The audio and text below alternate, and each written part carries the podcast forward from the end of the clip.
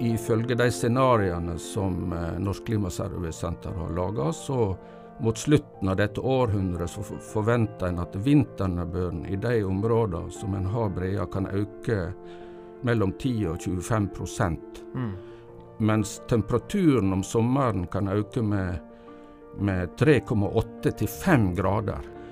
Og jeg har regna på at selv med en så stor økning i vinternedbøren, så er den temperaturen så stor at det ikke vil kompensere for temperaturøkningen. Så det hjelper ikke med nesten hvor mye nedbør som kommer, for det vil uansett smelte vekk med de temperaturene som er forventa mot slutten av dette århundret. Mm.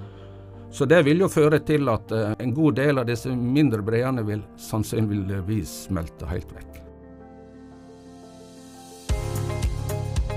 Hei og velkommen til Geologisk rapport. Mitt navn er Andreas Viken, og jeg er geolog. I denne podkasten skal jeg snakke med andre geovitere om et geofaglig tema, som skal gi deg innsikt i hvorfor geologisk kunnskap er viktig for samfunnet vårt, og la deg bli bedre kjent med disse geoviterne. Så håper jeg at du som er litt nysgjerrig på geologi, kan få lært litt mer enn det du kan fra før. Dagens gjest er Atle Nesje. Vi hører mye om isbreer i disse dager, da stadig tilbaketrekning av eh, breer er knyttet direkte opp mot klimaendringer. Isbreer er heller ikke bare en turistattraksjon, men har vært med å utvikle og skape landskapet og landformene vi ser rundt oss i dag. Der vi i dag bygger boliger, veiprosjekter og driver jordbruk, har breen lagt igjen avsetninger som vi må ta hensyn til og utnytte. Dagens tema er altså isbreer, og en som har jobbet med isbreer i en mannsalder, det er deg, Atle Nesje. Velkommen. Takk for det. Det blir riktig å si at du har jobbet en mannsalder med isbreer?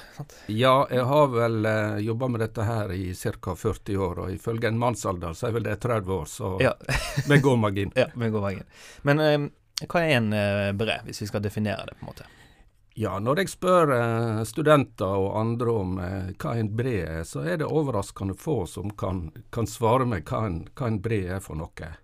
Og spesielt hvis jeg spør hva som skiller en bre fra en snøfonn eller en isfonn, så er det enda færre som kan svare. Men eh, vi bruker som regel eh, den svenske glasjologen Hans Wilhelmsson Ahlmann sin definisjon på hva en bre er, og det er en masse av snø og is som er, eller som har vært i bevegelse, og som hovedsakelig ligger på land. Så stikkordet her er jo bevegelse. Så ja. det, må, det, må, ha vært bevegelse, eller det er bevegelse i dag, og det ser vi som sprekker. Brede sprekker på overflaten. Er det beviset på bevegelse? Ja. Ja. Og i en snøfonn en isfond, der er ikke sprekker. Så den eh, massen, de beveger seg ikke. Så hvis du er i tvil, så må du se om du ser sprekker på overflaten. Da vet vi at det er bevegelse? Liksom. Da vet vi om det er bevegelse. Ah. Og hvis vi i tillegg ser at det vannet som kommer ut fra breen inneholder et slam, altså den er blå eller gråfarga, da er vi enda sikrere på at det er en bre, for den, en bre beveger seg mot underlaget og eroderer og produserer slam. Ja. Så hvis det har den fargen, da er det helt sikkert en bre. Men hvis det vannet som kommer ut, pipler ut, er klart, da er det som regel enten en snøfold eller en isfond som ikke er bevegelse. Men um, to begrep um, som jeg husker vi lærte når jeg hadde deg i det som da het kvartærgeologi-kurset. Det var akkumulasjon og ablasjon sikkert viktig for bredbevegelsen og ikke minst ja, vekst og, og sånt på en bre. Ja, er det? det er veldig eh, sentrale begrep. Eh, for akkumulasjon, som det ligger i ordet, det er jo alle prosessene som fører til at eh, en bremasse eller brevvolumet øker. Så det kan da være vanlig snøfall, snøfallet som faller på breen i løpet av eh, vinterhalvåret. Men i tillegg så kan vi få vindtransport av tørr snø ved at det blåser snø fra omgivelsene og ned på breen. Og i tillegg så, hvis vi har bratte dalsider, så kan eh, det gå snøskred ned på, ned på breen og føre til at breen eh, øker.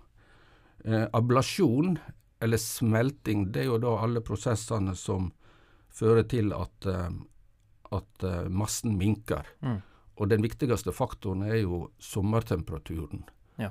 Så det er en veldig god sammenheng mellom ablasjon eller smeltingen eller tapet på breen og, og sommertemperatur. Og hvis en tar eh, gjennomsnittstemperaturen for sommerhalvåret, så viser det en veldig god sammenheng med, med det massetapet som har vært på breen i løpet av sommeren. Ja, Men er det sånn at du har akkumulasjonsområde på en måte, for Hvis du har et profil av en bre, jeg mener jeg husker det, så har du akkumulasjonsområdet på en måte øverst og ablasjonsområdet nederst med brefronten. Stemmer det? Det er Ja, på en måte det- der du har tapet, og så har du tilveksten bakerst eller øverst på breen. sant? Ja, det stemmer. Det øverste området på breen det er jo akkumulasjonsområdet, og det nederste området på en bre under likevekstlinjen som der regnskapet går i null eller balanserer, det er jo da smelteområdet. Og for en bre som er i likevekt, så utgjør akkumulasjonsområdet ca. 60% av breens overflate, Ja. og smelteområdet omtrent 40% Ja, ok.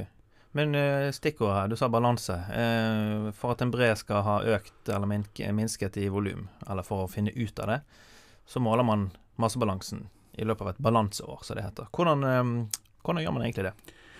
Ja, det er eh, Vi kan på en måte sammenligne massebalansen på, eh, på en bre som, som regnskap, som et Ja. regnskap med inntekter og utgifter.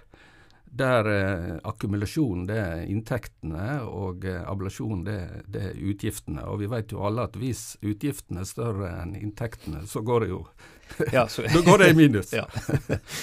Men eh, på en bre da, så eh, utfører en målingene med at en, at en eh, borer lange aluminiumsstenger eller aluminiumsrør mm. ned i breens overflate. Eh, noenlunde eh, jevnt fordelt utover hele breens eh, overflate. Men så um, Dette med frontendringer på breer. eh, hvordan har frontendringene vært på enkelte breer da fra 2021 til 2022? Ja, nå er akkurat disse målingene eh, i ferd med å bli avslutta, og jeg har fått noen tall fra NVE, altså Norges vassdrags- og energidirektorat, som har ansvaret for disse målingene. Og de eh, går da fra høsten ett år til, til eh, neste høst igjen, over ett et år. Og eh, så vi har fått eh, en del eh, målinger, som sagt. Nigasbreen den eh, har gått tilbake 23 meter fra i fjor. Nei. Og siden målingene starta i 1899, så har brefronten trukket seg tilbake 2985 meter. Altså nesten tre kilometer. Yes. Fåberstølsbreen, eh, nabobreen til Nigasbreen, eh, den eh, har gått tilbake 14 meter, og over to kilometer siden målingene starta i 1899. Eh, Austerdalsbreen den ligger da inn med Veitastrond Mm. på østsida av Jostedalsbreen. Den har gått tilbake 12 meter, og litt over 1900 meter eh, siden målingene starta i 1905. Og eh, så har vi Storbreen i Jotunheimen. Den har gått tilbake 18 meter og eh, ca. 1260 meter siden målingene starta i 1902.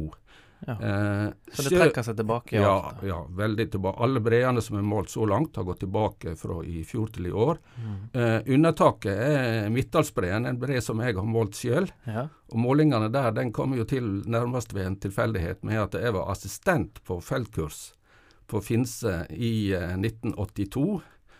Og da eh, sa vi det at ja, i tilfelle vi kommer tilbake her neste år, så kan vi nå sette opp en liten pinne foran breen. Så vi satte opp en pinne 25 meter fra fronten, Aha. slik at vi hadde et mål i tilfelle vi kom tilbake neste år. Ja.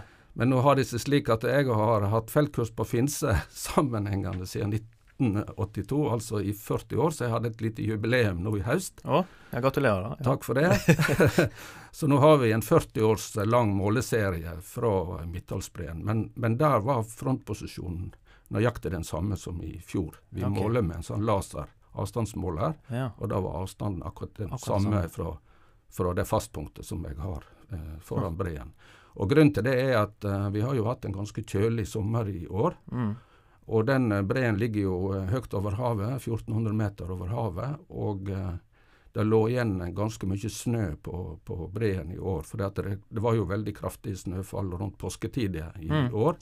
Og så var det veldig eh, en forholdsvis kjølig og ringfull sommer i, i Ja. sommer. Men så er det dette med mange snakker om en viktig faktor for at breen ikke skal forsvinne. Det er sommertemperatur og vinternedbør. Um, sant? I dag har vi Vi forventer mer nedbør, men det kan ikke kompensere for de høye sommertemperaturene vi har. Hvilke konsekvenser får det? det blir, går det bare én vei, dette her? Ja, altså Norsk Klimaservicesenter eh, de gir jo ut rapporter altså, til Klima i Norge 2100, og de har laga scenarioer for temperatur og bl.a. temperatur og nedbør fram mot slutten av dette århundret. Og ifølge de scenarioene som eh, Norsk Klimaservicesenter har laga, så mot slutten av dette århundret så forventer en at vinternedbøren i de områdene som en har breer, kan øke mellom 10 og 25 mm. Mens temperaturen om sommeren kan øke med, med 3,8 til 5 grader. Altså ja. en veldig betydelig øke i temperaturen. Og jeg har regna på at selv med en så stor øke i vinternedbøren, så er den temperaturen så stor at det ikke vil kompensere Nei. for temperaturøken. Så det hjelper ikke med nesten hvor mye nedbør som kommer, for det vil uansett smelte vekk med de temperaturene som er forventa mot slutten av dette århundret. Mm. Så det vil jo føre til at uh, vi sannsynligvis, hvis disse scenarioene slår til, så blir, blir eh, nettobalansen, den årlige balansen hvert år, mer og mer negativ, ja. som fører til at bare mer og mer is eh, smelter. Og Jeg har regna litt på at mot slutten av dette århundret så kan det smelte så mye is at det tilsvarer et vannlag som er mellom 90 og 100 meter tjukt, fordelt på hele breen. Så, så så ikke nok med at breene blir mindre, eller volumet blir mindre, men en god del av disse mindre breene vil sannsynligvis smelte helt vekk. Mm. Men hvor mange breer har vi i Norge? Sånn, har du et sånt røftlig tall på det? Ja, jeg har et ganske presist tall. ja, fint. Eh, fordi at NVE de eh, ga ut en rapport eh, tidligere i år. Ja. Og det nøyaktige tallet er 5260 breer. Det er mye, altså. Det er mange. Jeg klarer ikke helt å se for meg at vi har Nei, så mange brev. det er ganske mange. Og hvis du spør eh, vanlige folk, altså, så, så jeg tror jeg, det er ikke noen som ville tippa et så høyt tall. Nei, de hadde kanskje tippet 10-15, ja, for du hører jo bare Ja ja, det var kanskje litt lite, men, eh, men ja, ja, 50 kanskje. 50 kanskje. ja. Eh, men brearealet det er beregna til eh, ca. 2300 kvadratkilometer. Mm. Eh, 60% av brearealet i dag det ligger i Sør-Norge, og det resterende i Nord-Norge. Og eh, 70% av hele landarealet til Norge, så er det litt i underkant av 1% eller for å være nøyaktig 0,7 av landarealet i Norge dekker av breer. Mm. Men um, folk flest, uh, Atle, de forbinder jo sant, fjordene våre, dalene våre, med at det er isen som har uh, trengt gjennom landskapet og erodert, som det heter på fagspråket. Når og når skjedde, eller når skjedde denne erosjonen? Når ble fjordene og dalene våre dannet? Ja, dalene og fjordene våre det er jo gravd ut gjennom uh, et titalls istider. Altså det er jo isbreene som er eh, synderen her, eller agensen. eh, og da jeg var student tidlig på 1980-tallet, så lærte vi at det hadde vært ca. 40, nei, fire istider. Fire istider eh, i løpet av kvarterperioden, som er de siste 2,5 millioner år. Men eh, dette bildet har jo endra seg veldig, så nå regner vi med at det har vært mellom 40 og 50 istider. Mm. Men nå har jo ikke landet vært eh, dekka av is hele tida, for, eh, for, det har jo vært mellomistider. Det som vi kaller interglasialer og mildeperioder. Det vi mm. kaller interstadialer i løpet av disse 2,58 millioner år. Så vi regner med at i netto så har cirka landet vårt vært dekka i rundt 1 million år av disse 2,58. Ja. Så, så, Og hvis vi ser litt på beregner litt på erosjon, den gjennomsnittlige erosjonen gjennom disse en million år, og, og regner på volumet f.eks. i Sognefjorden sitt eh, nedslagsfelt, så så er det omtrent eh, med de verdiene en får for dagens breer. Da snakker vi mellom 1 og 3 millimeter i året. Mm. Så bare vi har lang nok tid, så kan vi få utvikla sånne store former som, som Sognefjorden. Ja. Og eh, eh, Sognefjorden den er jo 204 km lang og 1308 meter på det djupeste. Men så er det 200 meter med sediment i tillegg, så, mm. så i praksis er jo Sognefjorden 1500 meter djup ja. i området mellom Lavik og Vadheim. Ja, omtrent midt i Sognefjorden. Ja. Er det det dypeste punktet? Ja, så det er det dypeste punktet. Men, men der som høgdeforskjellen, eller relieffet, er størst, det er ved fjellet Bleia like sør for uh, Sogndal. Mm. Så hvis du tar høgdeforskjellen fra toppen av Bleia og ned til bunnen, så er det 2850 meter. Så hvis vi, eh, Da er det jo plass til ca. ti Eiffeltårn. ja, Det er et fint bilde på det. Ja, ja fra toppen av Bleia og ned til, ned til, ned til bunnen. Ja, det er en del, Så, eh, så hvis, hadde, hvis, vi hadde tømt Sognefjorden for vann, så ville det faktisk ha vært en skråning på tre kilometer. Yes. Og Grand Canyon den er jo til sammenligning bare, ba, ja. 1500 meter. Så, så det, er jo, det, er et, det, er jo, et, spektakulært uh, landform som viser egentlig hva breene er i stand til å gjøre. Ja. Men så går vi opp eh, Vi går på land igjen, da. Um, andre landformer som er avsatt direkte av breen, er jo noe folk sikkert kjenner til, nemlig morene. Um, det er vel riktig for meg å si at hvis du finner en morene i dag, så er det da et bevis på der breen sto ved siste fremrykk. Siden har han jo bare trukket seg tilbake, for ellers hadde jo den morenen forsvunnet hvis breen hadde rykket frem forbi, forbi det. Hvordan, eh, hvordan, kjenner man egentlig igjen disse moreneformene i landskapet? Nå sa jo jeg at det var en haug, men eh, ja. litt mer detaljert, kanskje? Nei, en, eh, Det som kanskje de fleste legger merke til når de går eh, i landskapet, så vil du jo se det som en sånn en morenerygg, som mm. en sånn haug og ganske markert rygg. Og de kan jo være flere kilometer lange og være ganske spektakulære former i landskapet. Så, så en morenerygg kan jo kjennes igjen med at den er en ganske skarp, eh, markert ryggform. Mm. Men hvordan dannes den sånn i praksis? Ja, En morenerygg det blir dannet enten ved at uh, breen gjør et opphold i uh, tilbakesmeltingen, at den står i ro over en viss tid, men det blir alltid frakta materiale fram til fronten. slik at det blir ja, Hvordan blir det frakt? Blir det... Ja, Under breen, ja. så hovedsakelig da. så Pga. at breen er i bevegelse, så blir det ført materiale fram til eh, fronten. Og hvis breen står der lenge nok, kanskje noen år eller titalls år, så vil det danne seg en markert rygg foran. Mm. Men gjerne de største og mest markerte moreneryggene får en viss eh, breen rykker fram, mm. hvis den har vært et stykke tilbake, og gjerne går noen titalls eller hundre meter fram. Ja. Og Hvis den da har rikelig materiale i fronten, så vil det da bygge opp en ganske markert morenerygg ja. foran. Og For oss geologene så er jo disse eh, moreneryggene veldig viktige. for de, Hvis vi greier å datere dem, så kan vi si hvor, når de ble dannet, og eventuelt knytte det til en klimaforverring eh, mm. langt tilbake i tid. Ja. Eh, de flotteste moreneryggene har vi jo foran eh, dagens breer fra det som vi kaller den vesle istida fra ca. 1750 til i dag. For det at de er ganske unge landformer, og det er lett å, lett å se og lett å studere. Ja, Det skal vi snakke litt om senere, da, som du har jobbet med tidligere, Atle. Men um, det er jo også smeltevannselver som kommer fra breer. Det som vi ofte kaller for glasifluviale avsetninger. Uh, hvordan dannes disse?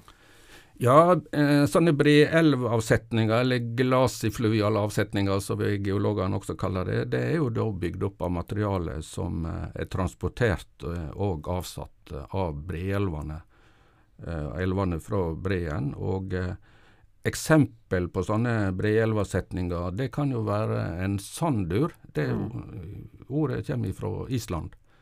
sander, ja. som er en breelvslette. Det er et godt norsk ord. Eh, vi kan ha et eh, delta, et breelvdelta, bygd ut i en fjord eller en innsjø. Vi kan ha et isranddelta, og det, et flott eksempel på det er jo det som demmer, demmer opp eh, Eidfjordvatnet. Mm. Det er en markert i isrand. Og den er jo da bygget ut i havnivå, så når du er i Eidfjord, så ser du da den ja, islandsdeltaen, så vet du at havnivået sto opp til eh, Ca. 100 meter. Ja, topplaget, eller? Ja, stemmer. Ja. ja. Eh, så har vi en randås, det er mer en ryggform. Der har ikke eh, avsetningen bygd seg opp til eh, havnivå, for den er avrunda. Ja. Så det er liksom en, en, et, en avsetning som er avslutta før han fikk tid til å bygge seg opp til havnivå. Ja.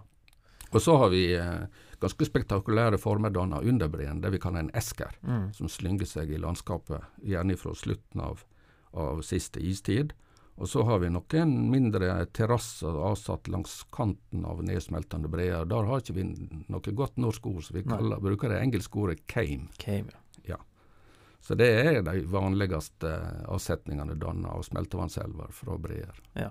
Hvordan, men alle disse, både morene og disse glasifluviale avsetningene, som vi kaller for eh, samlet sett glasiale avsetninger, hvordan, hvordan utnytter vi oss av de eh, i dag?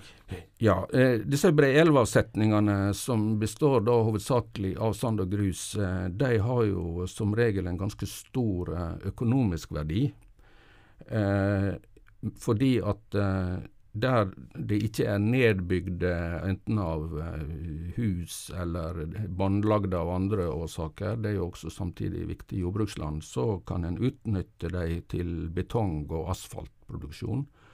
Um, også uh, til veibygging, fyllmasse osv. Uh, det kan også være en veldig viktig ressurs for uh, uttak av grunnvann. For de, eh, disse breelvasetningene de har god permilitet eller gjennomstrømningsevne, så en kan ta ut store mengder med, med vatten, grunnvann. Og det vannet det viser seg at det har veldig god kvalitet. Veldig lite bakterier i disse eh, grunnvannsavsetningene. Fordi at eh, det er naturlige bakterier som eter opp iallfall biologiske, den biologiske forurensningen. Så det viser seg at du kan jo nesten ha et sånt avfallsdeponi rett ved siden av og ta ut eh, bare noen ti, titalls meter ved sida, så kan du ta ut helt rent eh, grunnvann fordi det er et sjølrensende magasin.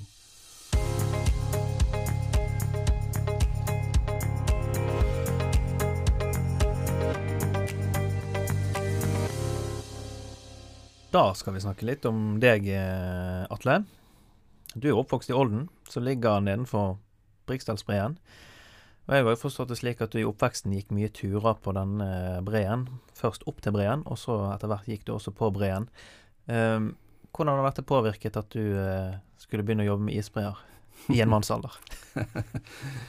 ja, um, i min barndom så husker jeg at det var ganske vanlig å ta en søndagstur uh, opp i Briksdalen og ta en tur opp til Briksdalsbreen. og Jeg bladde litt i et gammelt album, og da fant jeg vel et bilde fra fra 1962, der, uh, der uh, søsknene mine og jeg var en søndagstur opp til Breen. og Da var jeg bare en seks-sju år gammel.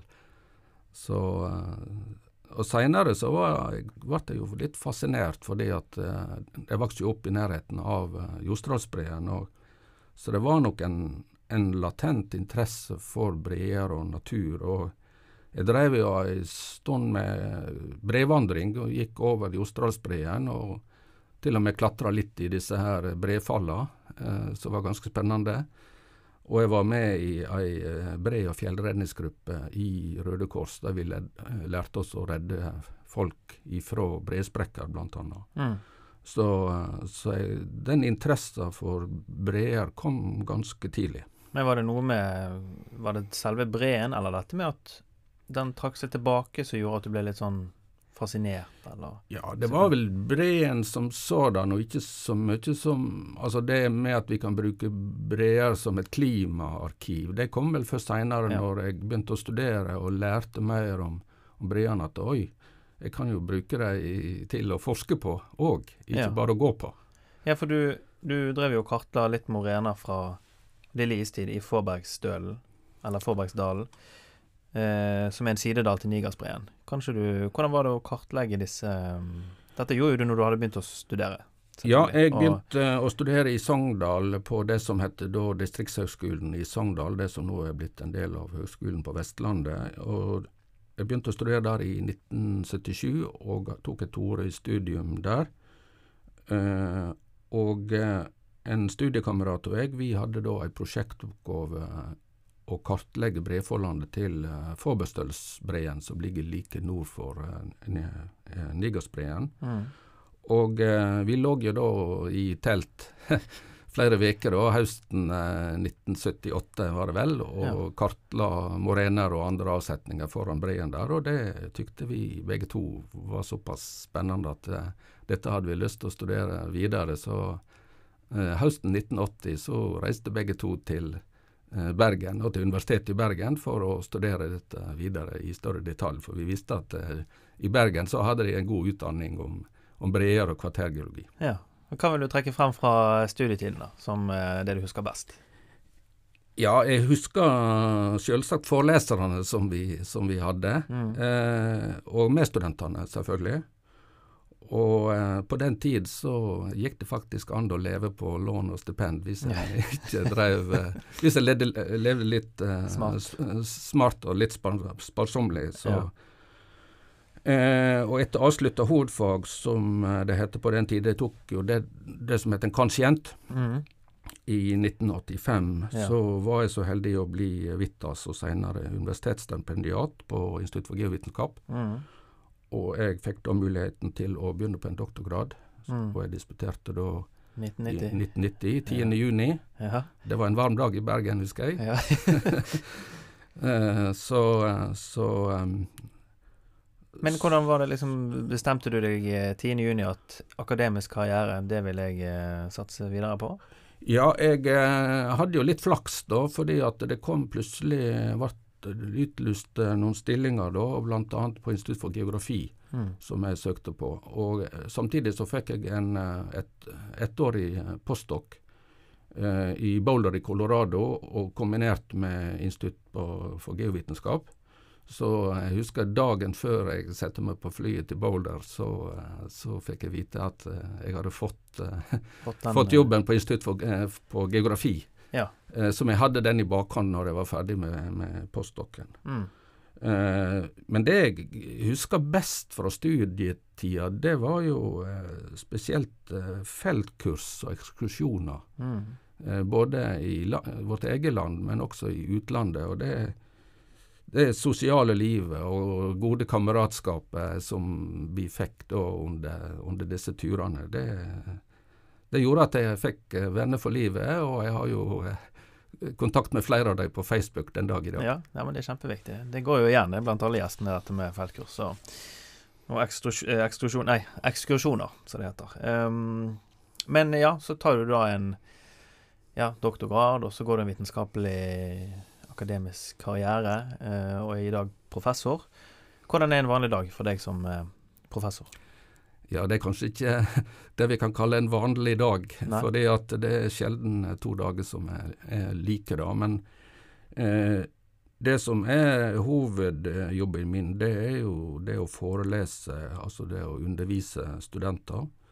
Og, og planlegge undervisningen, Mm. og også gjennomføre en del eh, feltkurs. Og så går det jo å, å prøve å få tid til litt forskning og skriving av uh, artikler. Mm. Eh, men det som tar mer og mer tid, og som har økt på de siste åra, det er jo administrative plikter som helt klart har gått utover de egentlige eh, oppgavene jeg som professor burde ha, nemlig å undervise og, og forske. Mm. Så, og jeg føler kanskje at en del av disse administrative oppgavene føles litt lite motiverende av og til. Det skjønner jeg. Så, eh, og jeg tror det er gjengs for oss. Det er iallfall mange som gir uttrykk for en viss frustrasjon Mm. for at det administrative tar mer og mer, tar mer og mer tid, ja. ja. Men eh, ja, du forsker jo mye på uh, breer. Um, hvordan er det å se at de trekker seg stadig mer og mer tilbake? Er det liksom, er det òg litt demotiverende, på en måte? Eller trist, eller Jeg vet ikke hvordan, hvilke ord jeg skal Ja, bruke på det. jeg har smakt litt på hva ord jeg skal bruke. Nå var jo jeg så heldig at vi, jeg fikk oppleve 1990-tallet, og da hadde vi noen år med at breene vokste. Ja. Ja. av at vi hadde noen år med veldig mye nedbør om vinteren, og da vokste det, Og da var vi faktisk bekymra for at breene skulle bli så store at de kunne, kunne gjøre litt skade, sånn som de gjorde eh, tidligere under den vesle istida. Men eh, Ja. Men så snudde det rundt år 2000, og etter den tid så har breene gått uh, veldig fort tilbake. Og uh, jeg tror jeg bruker ordet trist. Jeg blir Mm. litt trist når jeg kommer opp og når jeg ser hvor store breene var rundt år 2000, og hvor, hvor mye de har minka bare på vel 20 år. Ja. Så blir jeg litt nedstemt, litt trist. Ja, sant. Hva skjer de neste 20, liksom? sant? Det kanskje Ja, og med disse prognosene som, eh, som eh, de som har kommet med disse arbeider med klimamodeller og klimaframskrivning eh, kommer med, så må jeg si at jeg blir litt, litt trist og litt nedstemt. Men samtidig det er jo veldig stor medieinteresse for dette, og spesielt nå på høsten når disse målingene foreligger, så blir jeg ofte kontakta av media for å uttale meg om det som har skjedd siste året, men uh, ikke minst om hva som kan skje med breene våre i framtida. Mm. Så det er et tvega sverd, dette her. Ja. Det er det. Og så, så vi snakker litt om i sted, dette med sommertemperatur og vinternedbør. Du, et av dine viktigste forskningsfunn er jo at breens fremstøt ikke bare skyldes temperatur, men også at det må være fuktige vintre, som vi snakket om. Hvordan uh, fant du ut av det? Si? Ja, var, uh... det var litt interessant, fordi at uh, jeg, jeg sammenligna de sporene vi hadde i form av morenerygger og historiske data. Og de historiske dataene og dokumentene tyder på at på første halvdel av 1700-tallet så gikk breene fram veldig fort, kanskje borti 100 meter i året. Mm. Og, eh, mens temperaturdataene som vi da hadde, det er jo før, før, de instrumentelle målingene, men vi hadde data fra årringer i tre bl.a. Og eh, de dataene tydde på at temperaturen om sommeren ikke var, hadde vært så veldig mye lavere, kanskje en grad. Så, men det var ikke nok til å forklare at enkelte brearmer hadde gått fram 100 meter, så det måtte være noe i tillegg til lavere temperatur om sommeren. Så når vi begynte å se i de historiske dokumentene, så tyder det på at det har vært flere år med, veldig, med vinterflommer, kraftig nedbør. Og bare vi kommer høyt nok, så må jo den nedbøren ha falt som snø. Så, eh, og når vi fikk den situasjonen på 1990-tallet med disse kraftige, altså kraftige brevveksten pga. økt nedbør, så hadde vi plutselig en moderne analog til det som kunne ha skjedd på, på begynnelsen av 1700-tallet. Mm. Så det, sånn, ja. så det var liksom det, og da begynte vi å regne litt på det, og da fant vi ut at, at nedbøren om vinteren kanskje hadde vært en 130% av, av nedbøren i dag, og da for å få breene til å vokse såpass mye. Mm. Så jeg skrev da en artikkel, eller vi var flere om den, så med tittelen 'The Little Ice Age, Only Temperature'. Mm, spørsmålstegn. Ja. og svaret var jo nesten gitt på forhånd. Ja. Var det et eh, karrierehøydepunkt? Det forskningsfunnet der, kanskje? Ja, det var vel kanskje det, men det jeg vil kanskje trekke fram som et av høydepunkt, eller det viktigste høydepunktet, og kanskje det vi jobba mest med, det var da vi etter flere år eh, kunne konkludere med at eh, de aller fleste norske breene ikke hadde eksistert kontinuerlig etter siste istid, men at de hadde vært vekksmelta mm eh, kanskje minst en 1500 år, mellom 7500 og 6000 år før nåtid, i en varmeperiode. Da eh, biologene anslo at eh, temperaturen om sommeren hadde vært i størrelsesorden 1,5-1,8 til 2 grader høyere enn i dag. Mm. Og dette var noe som eh, jeg begynte å, å, tenke på eller jobbe med etter at jeg var ferdig med hovedfaget i 1985. Eh, og vi hadde jo mistanke om at breene kunne ha vært vekke, for det, det var jo funnet eh, furustokker i myra på Hardangervidda, over der det vokser furuskog i dag. Ja. Uh, som viste at det hadde vært uh, varmere enn i dag, og at skoggrensa kanskje hadde vært 200-300 meter høyere enn i dag, mm. hvis vi korrigerer for landhevningen. Og omgjort i snøgrensa på breen, så lå jo tydeligvis en del breer ganske tynt an hvis en heva snøgrensa. Ja. Og da eh, hadde jeg lest noen artikler av en professor ved Universitetet i Stockholm, eh, Vibjørn Karlén, og han brukte eh, sediment i innsjøer nedstrøms for eh, breene til å undersøke om breene i Nord-Sverige hadde vært vekstsmelta. Ja. Så da eh, begynte jeg å utvikle et uh, borestyr sjøl så vi kunne slå seks meter lange faktisk kloakkrør vi brukte til å slå ned i disse sedimentene mm -hmm. og hente opp seks meter lange sedimentkjerner. Ja. Og det utstyret er såpass lett at jeg kan transportere på en slede på en snøscooter, eller om det er et nett på om det er et helikopter. Ja. Og, og, frakte opp i disse innsjøene som, uh, som ligger ganske uveisomt til. Så uh, enten en vinterboring på på våren på isen, eller til og med frakta med og bore fra en flåte om, om ja. sommeren. Så dette var noe som vi holdt på med i ganske mange år da, og, uh, vi, og da viste det seg at uh, til og med Jostedalsbreen hadde vært helt vekke. Ja. Mellom 7006 og 6100 år. Vanskelig å se for seg, sikkert. Ja, det er jo det. Du ser i dag, sånn. Det, det er jo vanskelig, men vi har båret flere innsjøer rundt Jostedalsbreen, og det er det samme bildet. og Måten vi ser det på, er jo det at uh, altså i dag så sender jo breene slam ned i disse innsjøene, denne blågrå mm. fargen. Så tar vi en overflateprøve fra disse innsjøene i dag, så, så er det jo sånn finkorna ja. silt og sånn. Mm.